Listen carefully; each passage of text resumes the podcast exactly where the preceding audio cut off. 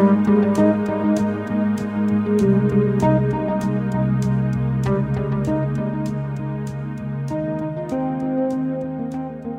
lytter til programmet Kvinner i vinden.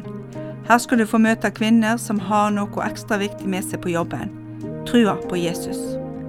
Intervjuer er May-Britt Liljeros Lauvik, og programmet er produsert av P7 Kristen Riksradio.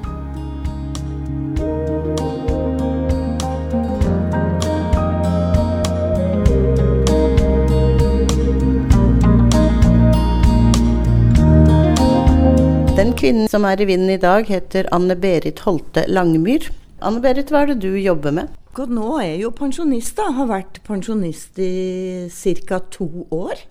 Men til vanlig er jeg utdanna sykepleier, og så har jeg jobba som fagsykepleier i Skien kommune helt til jeg gikk av da. Men litt småjobbing har jeg hatt også etterpå. Jeg har jobba litt med førstehjelpskurs og medisinhåndteringskurs, og lite grann har jeg eh, kanskje Eller skal kanskje få jobbe litt med helsefagarbeidere og, og pleieassistenter gjennom eh, AOF Telemark. Hvilke utfordringer møter du i en sånn jobb? Ja, det er jo det første så må en jo kunne faget sitt. Det er jo veldig viktig at jeg holder meg oppdatert, og dette er jo temaer jeg har hatt masse med å gjøre i jobben min som fagsykepleier. Men eh, Og så møter jeg mange forskjellige mennesker, da. Det er ikke sånn. Men det, jeg syns det er veldig greit, for jeg er veldig sosial og utadvendt. Jeg er veldig personlig, bruker, byr på meg sjøl. Men jeg holder også grensa inn til det private. Hvilke utfordringer syns du kvinner møter i dagens samfunn? Nå har det heldigvis blitt bedre enn det var for mange år siden. Da. Så eh, kvinnene har en stor plass i Guds rike. og det er jo mange som henviser til Bibelen, da, at vi skal ha ti forsamlinger og vi skal liksom det ene og det andre. Jeg tror aldri Jesus har meint at vi skal sitte og være tause. Og jeg er veldig glad for at det er åpninger for at vi kan få være med nå med alt det vi har. Så det er jo én utfordring, da. Men eh, jeg tror det har blitt mye bedre. Og, men jeg tror sånn generelt sett så er det fremdeles en utfordring det å være kvinne. Det tror jeg. Hva er det du brenner for, Anne Berit? Jeg brenner for å nå ufrelste og kanskje de som har kommet bort fra Gud. Jeg er jo i en pinsemenighet, tabernaklet, Pinsekirken Tabernakle Skien, hvor jeg har eh, oppgaver i forhold til kor og det vi kaller annerledeskvelder. Jeg er på formiddagstreff, jeg får lov til å være med å forkynne, jeg får lov til å være med å synge og lede. Så eh, jeg brenner veldig for et arbeid utenfor menigheter. Radioen er jo en stor del. Jeg har vært med i radio i 30 år ca. Jeg og mannen min han har vært med i seinere år. Og jeg brenner veldig for å ut i nærmiljøet. Og det er noe meg og mannen prøver. Vi har noen konserter hjemme i hagen. Vi har førjulskonserter som radioen nyter godt av også. Sånn veldedighetskonserter. men hjertet mitt er vel å, å få lov til å være en sangevangelist med beina på jorda og hjertet i himmelen. Så du og mannen dere har sunget inn opptil flere CD-er? Ja, vi begynte, eller jeg begynte med en CD-innspilling i 2004. Var i studio mange ganger, så det har blitt det er åtte eller ni CD-er. Og den siste jeg laga, det var rett før Norgestenkten en uke før, to uker før. Det var jo vår leder her, Ole André Eliassen i Radio MG, som oppmuntra meg til å lage en CD hvor jeg skulle spille alle instrumentene sjøl. Og det var jo en utfordring, men jeg var i Klyve lydstudio og, og spilte inn en CD som er litt blanda med alt fra Nidelven til eh, Jeg har hørt om en stad, og den er jo veldig fin å bruke som allsangbakgrunn. Og har med Vi kalte den for En farmors kjærlighet. Så det var liksom meg og barnebarnet på ni år som skulle liksom ha den hemmeligheten. Og så blant alle de CD-ene så har vi også en jule-CD som vi har solgt veldig mye av når vi er ute og spiller og synger, som vi kalte for countryjul. Med nye og gamle julesanger. Så det har vært veldig moro. Og de, alle CD-ene er jo spilt inn i studio, da, så det er jo ikke noe sånn hjemmearbeid. Hvordan eh, var det du ble en kristen da, Anne Berit? Du sa at du hadde levd et vanskelig liv før det skjedde. Ja, når jeg sier vanskelig, så trodde jo jeg at det var livet. Jeg eh, var festa. Var på dansefester og forsynte meg litt av forskjellige ting. Og det var jo alkohol, da. Det hørte liksom med på landet at vi skulle Det var alt fra heimbrygg til andre ting. Og vi Jeg var jo bare 14 år da jeg var konfirmant.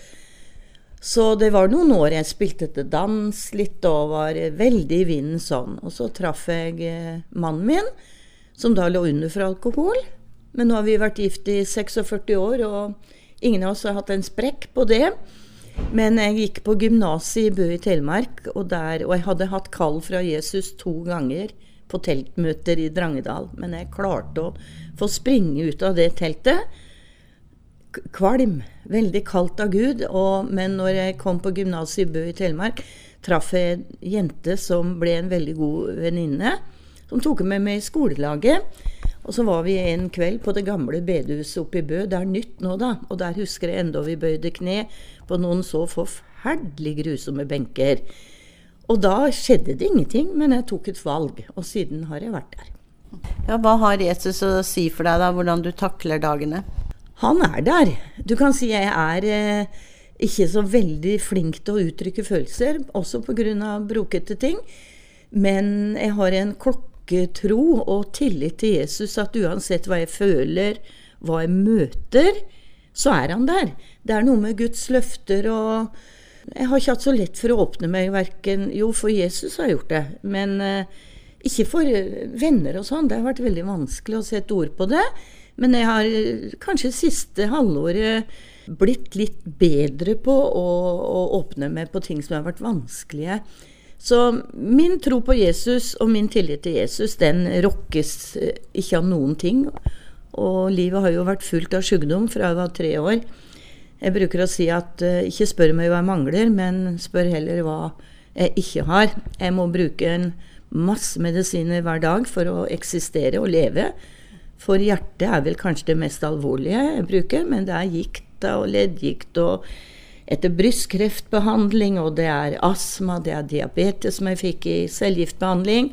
Og det er en utfordrende hverdag. Masse operasjoner. Nå skal jeg straks inn og ta en eh, proteseoperasjon, helprotese, i det andre kneet. Det andre, første ble operert i oktober i fjor. Så livet er tøft. Men øh, syns du ikke det at eh, Jesus burde hjelpe deg med dette og helbrede deg, da?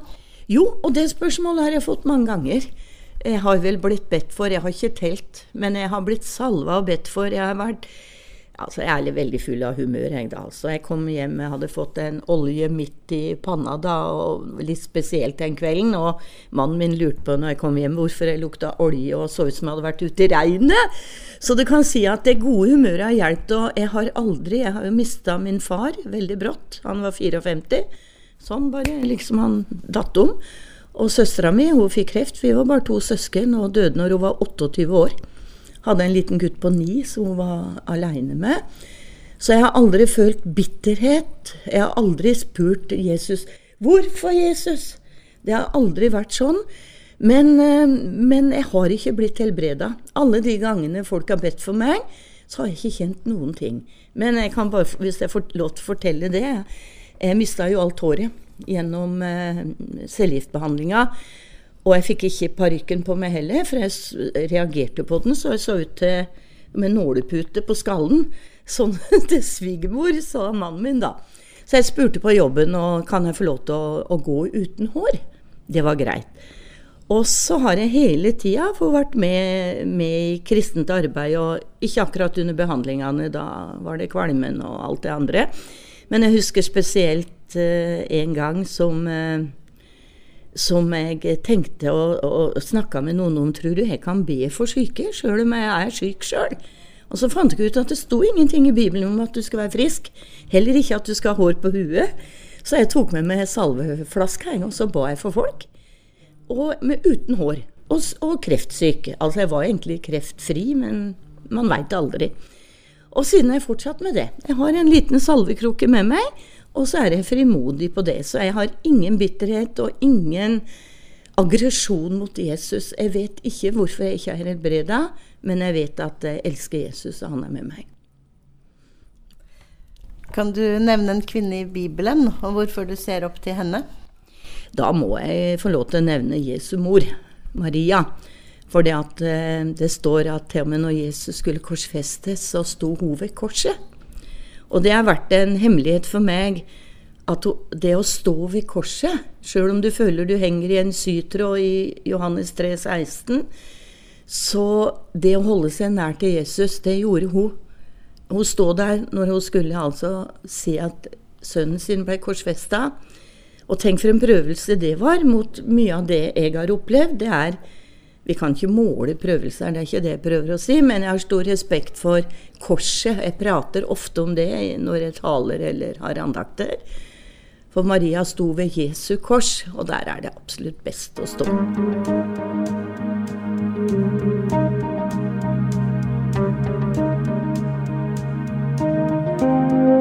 Du har lytta til programmet Kvinner i vinden. Intervjuer er May-Britt Liljeros Løyvik, og programmet er produsert av P7 Kristen Riksradio.